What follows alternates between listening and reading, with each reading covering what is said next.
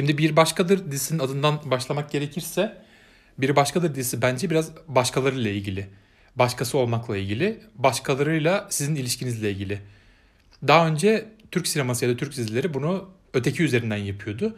Karşıdakini bir anlamda ötekileştiriyordu. Yani tanınmayan yabancı biriymiş gibi davranıyordu ve ötekileştirerek bazı şeyleri anlatıyordu. Bir başkadır bence burada kasıtlı bir seçim. Çünkü başkasından bahsediyor orada. Yani aslında sana yabancı olmayan, beraber yaşadığın ama tam olarak hayatına hakim olmadığın kişiler hakkında. Yani Türk sineması için bu çok yeni bir konu değil. Tam olarak hayatını bilmediğin insanların hayatını irdelemek ama daha didaktik bir şekilde bana göre yapıldı bu daha önce. Örneğin muhafazakar seküler çatışması. Bu Türk sinemasında, Türk edebiyatında, romanda, şiirinde her zaman kullanılmış. Ama daha önce mesela 70'lerin toplumsal gerçekçi filmlerini hatırlayalım. Kemal Sunal filmlerini hatırlayalım. Orada ne vardır? Seküler yaşam tarzı olan insanlar vardır. Bir de karşılarında daha muhafazakar insanlar vardır. Muhafazakar tarzı insanlar biraz da böyle hocalar tarafından, cinci hocalar tarafından kandırılır değil mi? Yani biraz da aslında ötekileştirilir karşı taraf. Yani seküler taraftan baktığında karşı taraf muhafazakar taraf. Onlar ötekileştirilir ve hocaların kötü kalpli olduğu, din tüccarlarının olduğu ortam vardır, durum vardır. Bir başka da ise başkasına onun gözünden bakmaya çalışıyor yönetmenimiz. Yani sekülerler var, Kürtler var, muhafazakarlar var. Herkesin kendi sorunları var, kendi dertleri var, kendi hayat çabaları var ve hiç kimse öteki değil. Herkes birbiri için başkası ama kesinlikle öteki değil. Yani dizide çok fazla karakter var ama sen hangi karakterden başlamak istersin konuşmaya? Gülbin'in ablası karakteri. O karakterde mesela çok derinlemesine işlenmemiş. Karakter tamamen kötü olarak gösteriliyor. Bir karakterin Hı. tamamen kötü olması ya da tamamen iyi olması sonuçta mümkün değil gibi bir şey. Yani onu tam aktaramamışlar gibi geliyor bana. Ve çok fazla kötülüğünü aktardılar. Aslında iç durumunu, duygusal durumunun ne olduğunu bilmiyoruz. Kardeşine aslında ne hissettiğini ama çevresi tarafından işte nasıl etkilendiğini onları tam olarak yansıtamadı dizi. Ya, genel manada ben konunun çok iyi işlendiğini düşünüyorum. Ama dediğin nokta çok doğru. Gülbin ve ailesi ve Gülbin'in sanırım abisi engelli olan karakter. O karakterin konusu çok havada kalmış. Dizip işleyebildiği konuları çok iyi işliyor. Bir de arada tam olarak işleyemediği konular var. Bu onlardan bir tanesi bence. Yani Gülbin ve Gülbin'in hikayesi ablası, annesi, babası geliyor, abisi var. O hikaye çok havada kalmış. Çok az çünkü zaman ayırmışlar o hikayeye. E belki bir iki bölüm daha yapsalar daha iyi irdeleyebilirlerdi ama ben o bütün hikayenin aslında en sonunda Gülbin'in monoloğu için kurgulandığını düşünüyorum. Gülbin en sonunda annemize zamanda atılan tekme bizi buradan kovanlar tarafından yani köyümüzden kovanlar tarafından atılan tekme bugün hala bize atılıyor ve sen onların tarafındasın diyor. Burada çok bariz bir şey var aslında. Evet. E, genelde dizi çok direkt siyasi mesajları vermiyor. Bence verdiği en siyasi mesaj bu. Yani Gülben'in monoloğu. Orada şundan bahsediliyor. Zamanında herhalde Güneydoğu'daki olaylar yüzünden köylerinden kovulmuşlar. Kovulurken de annesi bir tekme yemiş. Muhtemelen kovan askerler tarafından tekmelenmiş ve Hı-hı. o yüzden çocuk engelli olmuş ve orada bir iktidar ve halk çelişkisi var. Baktığımızda merkez çevre çelişkisi var ve Hı-hı.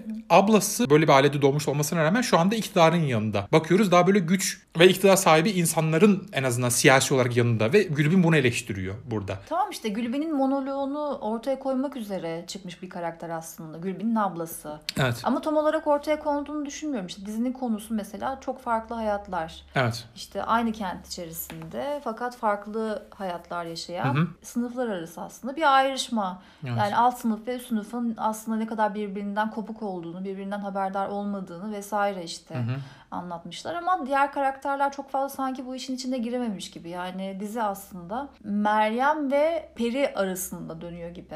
İki karakter arasındaki sorunlar ilişki etrafında dönüyormuş gibi geldi bana. Diğer karakterlerde o kadar e, girebildiğini düşünmüyorum açıkçası. Evet. Ya sınıf derken burada ekonomik sınıftan bahsetmiyoruz. Üretim araçlarının ilişkiden bence daha çok bahsetmiyoruz. Daha, daha ziyade kültürel sınıflardan bahsediyoruz. Yani Türkiye'de Marksist anlamda aslında üretim araçlarının ilişki bağlamında bir sınıf anlayışı yok bence. Burada daha kültürel bir tabii, anlayış tabii, var. Evet. Yani ekonomik durumdan farklı olarak dediğin doğru. Kesinlikle dizinin ana ekseni Peri ile Meryem zaten dizinin açılışı öyle.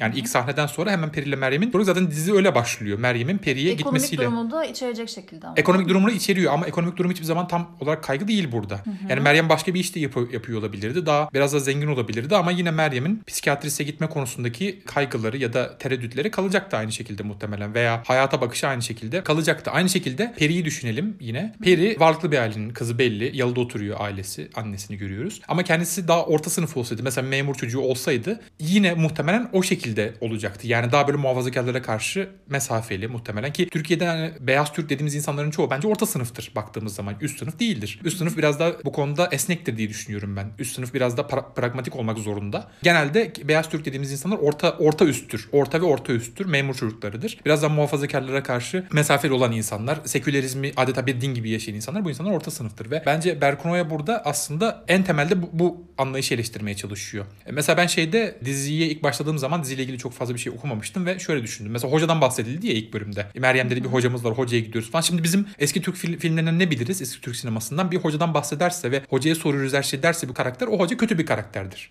Değil mi? Hoca büyük ihtimalle insanları e, Üfürükçü, sapık. üfürükçü, sapık, ya sapık olabilir, sapık olmayabilir ama kötü niyetlidir yani. Şarlatandır. Evet, şarlatandır. Yani Hı, eski şarlatan. filmlerde öyledir. Hani haberler de çıkar zaten arada işte şöyle hoca şuna tecavüz etti falan diye Türkiye'de de bu alışık olmadığımız haberler değil yani. Ama hocayı hiç öyle işlemiyorlar. Hoca tam tersi çok son derece erdemli bir karakter baktığımız zaman. Dizinin ilk başında öyle değildi ama. Yani bana öyle bir hissiyat vermedi. Hmm. Çünkü dizinin ilk başında sorunları olan bütün vatandaşı işte oradaki köylüleri vesaire her gelene aynı hikayeyi anlatıyordu. Aynı hikayeyi Çiçek anlatıyordu, üzerinden evet. Bir hikaye anlatıyordu. O yüzden ilk başta öyle gelmemişti ama daha sonraki bölümlerde çok iyi bir karakter olduğunu gördük. Evet. Kızına karşı gayet iyi niyetli olduğunu ve dini görüşlerini hiç kızıyla ilişkisine bulaştırmadığını, başını açmasına izin verdiğini vesaire Evet. işte gördük. Evet o, o konu bence güzel bir konu. Ben bütün dizideki karakterlerin hepsinin başarılı olduğunu düşünüyorum ama bence dizideki en başarılı karakter, en hayatın içinden gelen karakter Hayrun Nisa, hocanın kızı karakter olduğunu düşünüyorum. Hayrun Nisa dizide Z jenerasyonunu temsil ediyor. Biraz daha geniş düşünürsek belki milenyalleri temsil ediyor ama daha çok Z jenerasyonunu yani 2000 doğumlular ve 2000'den sonra doğumlular onları temsil ediyor o insanları. Mesela bazı sahneler var dizide. Son derece gerçekçi. Bu 20 yaşların başındaki muhafazakar ailelerde yetişen tesettürlü kadınları anlatan. Mesela şöyle bir sahne var. Kız müzik dinliyor. Babası geliyor. Kızı korkutuyor. Kız baba ne yapıyorsun ya diyor. Ne dinliyorsun kızım diyor. E diyor yabancı müzik dinliyorum. E ya küfrediyorsa niye yabancı müzik dinliyorsun gibisinden bir şey söylüyor babası. E ben de onları küfrediyorum o zaman diyor kız. Mesela bir Meryem ailesiyle annesiyle babasıyla böyle bir diyalog yaşayamaz Meryem'in jenerasyonu.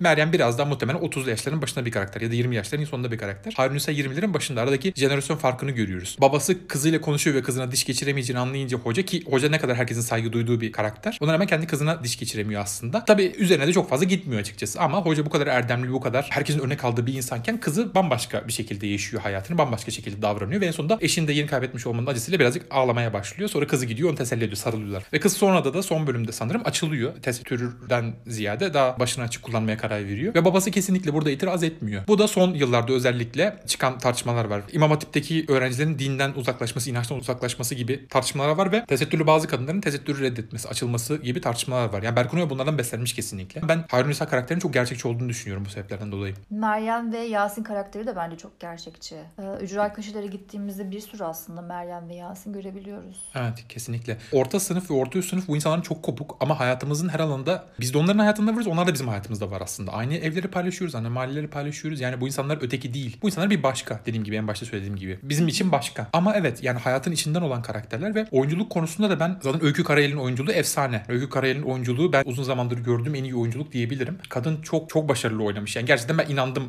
öyle bir kadının karşımda olduğunu, ekranda olduğunu o bütün, sırada. bütün oyuncular öyle bence. Evet, bütün oyuncular. Oyunculuklar bayağı iyiydi. Çok iyiydi. Oyunculuklar yani en başarılı e, noktasıydı. Aynı zamanda ben şunu da düşünüyorum. Böyle bir dizi Türk televizyonları yayınlanamazdı. Şu yüzden yayınlanamazdı hemen açıklayayım. Türkiye'de televizyonculuk çok muhafazakar bir iş. Yani şey olarak muhafazakar, tutum olarak muhafazakar, ideolojik olarak muhafazakar değil. Belli bir ideolojisi olduğunu düşünmüyorum. Çünkü televizyon amacı para kazanmak. Amacı saf para kazanmak olan herhangi bir işin ideolojisi olmaz zaten. Türkiye'de diziler, dizilerden bahsediyorum tabii haber kanallarının haberlerden bahsetmiyorum. O bambaşka bir konu. Diziler bir formül bulurlar, bir formülü tutar ve o formül üzerinden giderler. Ve o formülün suyunu sıkarlar tamamen. Bu böyledir. Zamanında Asmalı Konak çıktı. Ağalı, konaklı diziler nasıl patladı? Doğudaki aşireti, ağayı, ağalığı anlatan diziler çıktı. Bir dizi çıktı. Arkasından arkası geldi. Holding'de çalışan zengin olan, biraz da ekonomik durumu düşük olan kız dizisi geldi. Hemen onun üzerine gittiler. Bir ara öğrenci diziler geldi. 15 sene önce falan onlar. Yani Türk televizyonculuğu dizi sektörü en azından çok muhafazakar ve yeni bir şey denemeye korkuyorlar. Aynı zamanda kültürel olarak da daha orta üst sınıf hatta üst sınıf olduğu için Türk televizyonlarındaki yapımcılar, yönetmenler genelde üst sınıfın hikayelerini anlatıyorlar baktığımız zaman. Şu anda tutan formül de o. Mesela muhafazakar aileleri çok fazla anlatmazlar. Anlatsalar bile o muhafazakar ailelerdeki kızların ya da erkeklerin üst sınıfa taşınma çabasını anlatırlar değil mi? Zengin olma çabasını anlatırlar. Bunun dışında bize jön olarak verilen ya da asıl kız olarak verilen kızlar daha böyle şaşalı yaşamları vardır. O yaşama ulaşmaya çalışırlar. Yani ikisinden bir tanesi değil mi? Hep düşünün şimdi en çok izlenen diziler büyük ihtimal Fox TV dizileri şu anda. Hep aynı formül üzerinden gidiyorlar değil mi? Hep böyle bakıyorsunuz işte zengin mutlaka birisi zengindir. Böyle iş hizmetlileri vardır, arabalara biner değil mi? Güneş gözlükleri, takım elbiseler, gider holdinglerde.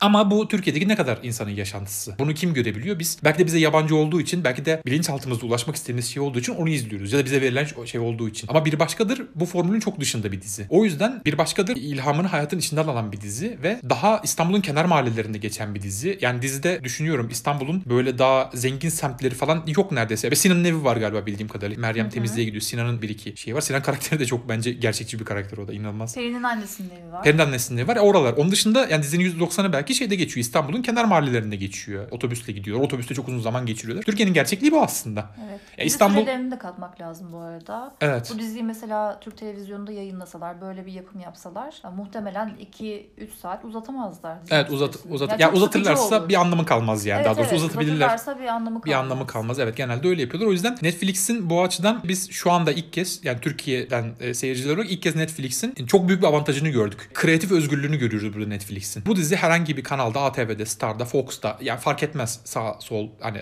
ne olursa olsun kanal sahiplerinin ideolojisi veya e, hayata bakışları. Bu diziyi hiç kimse yayınlamaz çünkü bu dizi bir risktir. Ya, bu kreatif dizi yayınlamaz. rağmen bu arada Harun Nisa ve arkadaşı arasındaki lezbiyen ilişkiyi de biraz gizli saklı göstermişler. Evet ama o da sonuçta Netflix üretiyor tabi o yüzden. Ya o, o konu çok kesin bir konu değil bu arada ama öyle olduğunu ben de düşünüyorum. Hayrun İsa ve arkadaşı arasında muhtemelen lezbiyen bir ilişki olduğunu düşünüyorum ama bunu açık açık göstermiyorlar kesinlikle. Bana biraz şeyi hatırlattı. Hayrun İsa'nın son otobüste giderken arkadaşıyla görüntüsü. Avatar'ın spin-off dizisi vardır Legend of Korra diye. Orada da Korra dizi boyunca iki erkek arasında gidip gelir. Bir de bir kadın arkadaşı vardır. Çok karizmatik bir kadın vardır. O kadınla iyi arkadaş olurlar. Mektuplaşırlar uzak kaldıkları zamanlarda falan. Dizinin en son sahnesinde el ele tutuşurlar ve çift olmaya karar verir. Öyle biter dizi. Son sahnede lezbiyenliği açık açık gösterirler. Bu çocuklar için yapılmış bir animasyon dizisi. Benzer bir durum burada da var. El ele falan tutuşmuyorlar. Açıkça bir lezbiyen iması yok ama öyle olduğunu ben de düşünüyorum açıkçası. Yine de Netflix'in sağladığı kreatif alan çok önemli. Ya bu dizinin yapılabilmesinin en büyük sebebi. Aynı zamanda başka bir durum daha var. Netflix direkt prodüksiyonda ve yönetmenlikte etkili değil. Ya Berkon Oya'nın kendi imajından çıkmış bir dizi bu. Daha önce çekilen 3 Netflix Türk dizisinde de hatta Rise of Empires Ottoman'ı katarsak 4 dizi diyebiliriz. O dizilerin tamamında yapımcılar yabancı, yönetmenler ve senaryo, senaryonun yazılmasında Netflix'in etkisi var. Netflix burada hiç katılmamış olaya. Berkon Oya'nın kendi imajından çıkmış bir şey ve Berkon Oya Netflix'e götürmüş. Bunu çekelim demiş. Adama karışmamışlar. Bu inanılmaz bir imaj yaratmış. Netflix iyi bir fırsat sağlıyor diyorsun yani. Kesinlikle. Bence Netflix ilk kez böyle bir şey yapıyor seyirciler için ve bu inanılmaz başarılı oldu. Daha önce ben bütün Netflix Türk dizilerini izledim. Hakan Muhafız çok kötü bir dizi. Atiye ortalama bir diziydi. Umut vaat ediyordu ama ikinci sezonunda bence düşürdüler çıtayı bayağı. Aşk 101 kendi konusunu çok iyi işleyen bir dizi ama konu olarak ortalarda bir dizi. Ama konusunu iyi işlediği için iyi bir dizi olarak değerlendirmiştim.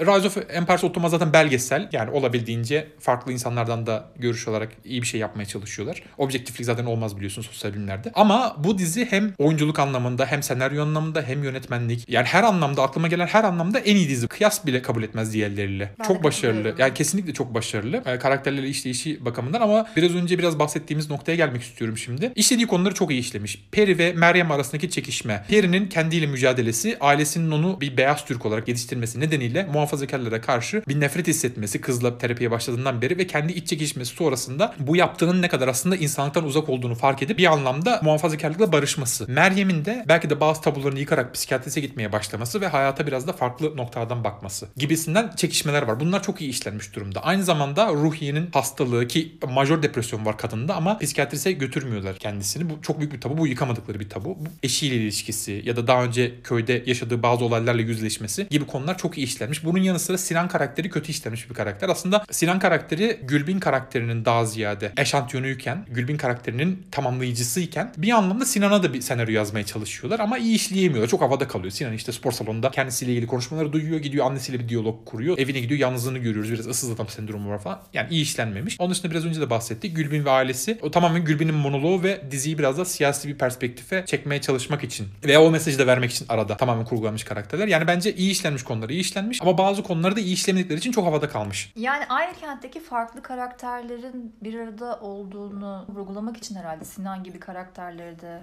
ya Sinan gibi bir karakteri de işin içine koymuşlar. Yo, Yani- ben Sinan karakterinin çok gerçekçi olduğunu düşünüyorum. Şey o Ya değil. Çok gerçekçi yani. Evet. Evet. Yani böyle adamlar var. Var kesinlikle. Böyle hayatlar var. Hayatını böyle yaşayan. Erkekler, kadınlar evet bu Onun şekilde dışında daha bağımsız. Hı hı. dizideki karakterleri ben de çok beğendim. Oyunculuklar çok iyi. Ancak iki noktaya takıldım. Dediğim gibi daha önce bahsettiğim Gülben'in ablasını Hı hı. çok iyi işleyemediklerini Hı hı. düşünüyorum. O duygusal, içindeki duygusal çekişmeyi yansıtamadıklarını düşünüyorum. O kadar kötü olamazmış gibi geliyor bana sanki. Ya ben o kadar kötü bir şey algılamadım açıkçası. Ben izleyici olarak şöyle bir şey algıladım Gülbin'in ablasından. Kendisi abisini sanırım abisi o engelli olan birey. Abisini korumaya çalışıyor. Korumacı olarak yani kardeşinden korumaya çalışıyor. Kardeşi bir şey denemiş. Herhalde bir keyif verici madde vermiş kardeşine. Ben öyle anladım yani. Tam açık açık söylemiyorlar ama biraz da kendini iyi hissetsin diye engelli kardeşi. Ve o da korumaya çalışıyor. O yüzden bu kadar saldırgan davranıyor e, Gülbin'e karşı ama Gülbin bir yerden sonra bunun bir siyasi hesaplaşma olduğunu düşünüyor. Yani Gülbin kendisinin daha özgür bir yaşamı olduğunu ve ablasının bu yüzden onu kıskandığını düşünüyor ki bence gerçekten de kıskanıyor ablası Gülbin'i. Evet Çünkü arada bir kıskançlık Evet. var ama şöyle bir şey yani Gülbin'in ablasının Gülbin'e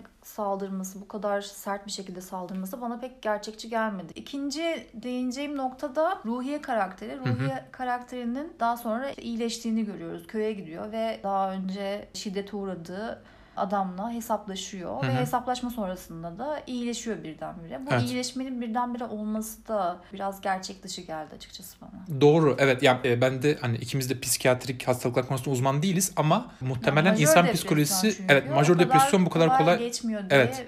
Bilinir. E, muhtemelen şöyle bir şey var. Majör depresyon artık kronik hale gelmiş depresyon burada. Çünkü iki senedir falan bu haldeymiş kadın Ruhiye Kaç karakteri. kere e, intihara kalkışmış Evet bir karakter. intihara kalkışmış bir karakter. Hayat enerjisi tamamen sömürülmüş gitmiş bir karakter. Artı çocuğu da hiç konuşmuyor. Kaç yaşında? E, 5 yaşında evet. vardır muhtemelen. Evet, 5 evet. senedir hiç konuşmamış bir çocuk. O anda birdenbire konuşmaya başlıyor. Evet orası Ya annenin, gerçekçilikten. annenin psikolojisine bağlı olarak çocuğun birdenbire konuşmaya başlaması da biraz garip geldi. Yani tamam olumlu birkaç adım görebiliriz Hı hı. e, çocukta ama bu kadarı da biraz fazla geldi açıkçası. Evet Yani bir mutlu bir anda. son yaratmak için sanki biraz fazla kasılmış. Evet kesinlikle katılıyorum. Yani muhtemelen kronik hale gelmiş depresyonun etkisi daha da devam eder. Yani kronik hale gelmiş depresyonda çünkü bildiğim kadarıyla depresyonda olan insanların beyin kimyası değişmiştir artık. Ve beyin kimyasını düzeltmek için uzun bir ilaç artı davranış terapisi gerekir. O sayede eski haline geri döner. E, Depresyonu oluşturan şartların ortadan kaybolmasıyla depresyon da ortadan bir anda kaybolmaz. Çünkü insan psikolojisi çok karışıktır. Yani illa her zaman böyle o şartlar var oldukça depresyon olacak sonra o şartlar gidince depresyon gidecek diye bir şey yoktur. Ben de öyle Bunu biliyorum. psikiyatristlere sormak lazım. evet psikiyatriste sormak tabii öyle de ben bildiğim kadarıyla öyle. Yani ben hiç görmedim depresyondan bir anda şah diye çıkan sorunlarını çözdüğü için bir insan. Azından etkisi devam eder veya bir tıbbi destek alması gerekir. Yani kesinlikle bu arada psikiyatriste gitmek, psikoloğa gitmek bırak psikiyatrik ve ruhsal sorun olması bence günümüz dünyasında herkesin bence sorumluluğudur yani hem kendisine hem çevresine karşı. Çünkü günümüzde yaşadığımız endüstriyel çağ bizi çok farklı hiç tahmin edemediğimiz evrimsel süreçte uyum henüz sağlayamadığımız durumlara sokuyor ve bu bizde stresler yaratıyor günlük hayatın koşturmacısı ve bununla başa çıkmak için bence herkesin böyle bir şekilde rahatlamaya ihtiyacı var. O yüzden psikolog, psikiyatrist gibi e, insanlar bu konuda en iyi hatta tek seçenek. Genel manada böyle. Bir başkadır. E, dediğim gibi Netflix'in en iyi dizisi bence e, Türk dizileri arasında. Hatta yabancı diziler arasında da belki de en iyisi yani izlediğimiz diziler arasında. Çok çok keyifliydi. Son olarak ben şunu eklemek istiyorum. Dizinin sonlarında çok güzel şeyler var. Ya Ferdi Özbeğen'i tekrar hatırlattı bütün Türkiye'ye. Ferdi Özbeğen gibi bir değil. İşte sonunda güzel şarkılar dinledik, manzaralar gördük falan. Dizinin en son yani birinci sezonun 8. bölümünün sonunda Ankara görüntüleri gösterdi. Acaba ikinci sezon Ankara'da mı geçecek dedim ben. Ankara'da da geçerse çok muazzam olabilir, Olabilir. bence. Seyrederiz kesin. Evet kesin zaten seyredeceğiz. E, Samsun'da geçerse de seyredeceğiz. Evet. Elazığ'da geçerse de, Kars'ta da, Tekirdağ'da geçerse de. Hiçbir şehri ötekileştirmeyeyim. Hiçbir şehir başka değil benim için her şehir aynı.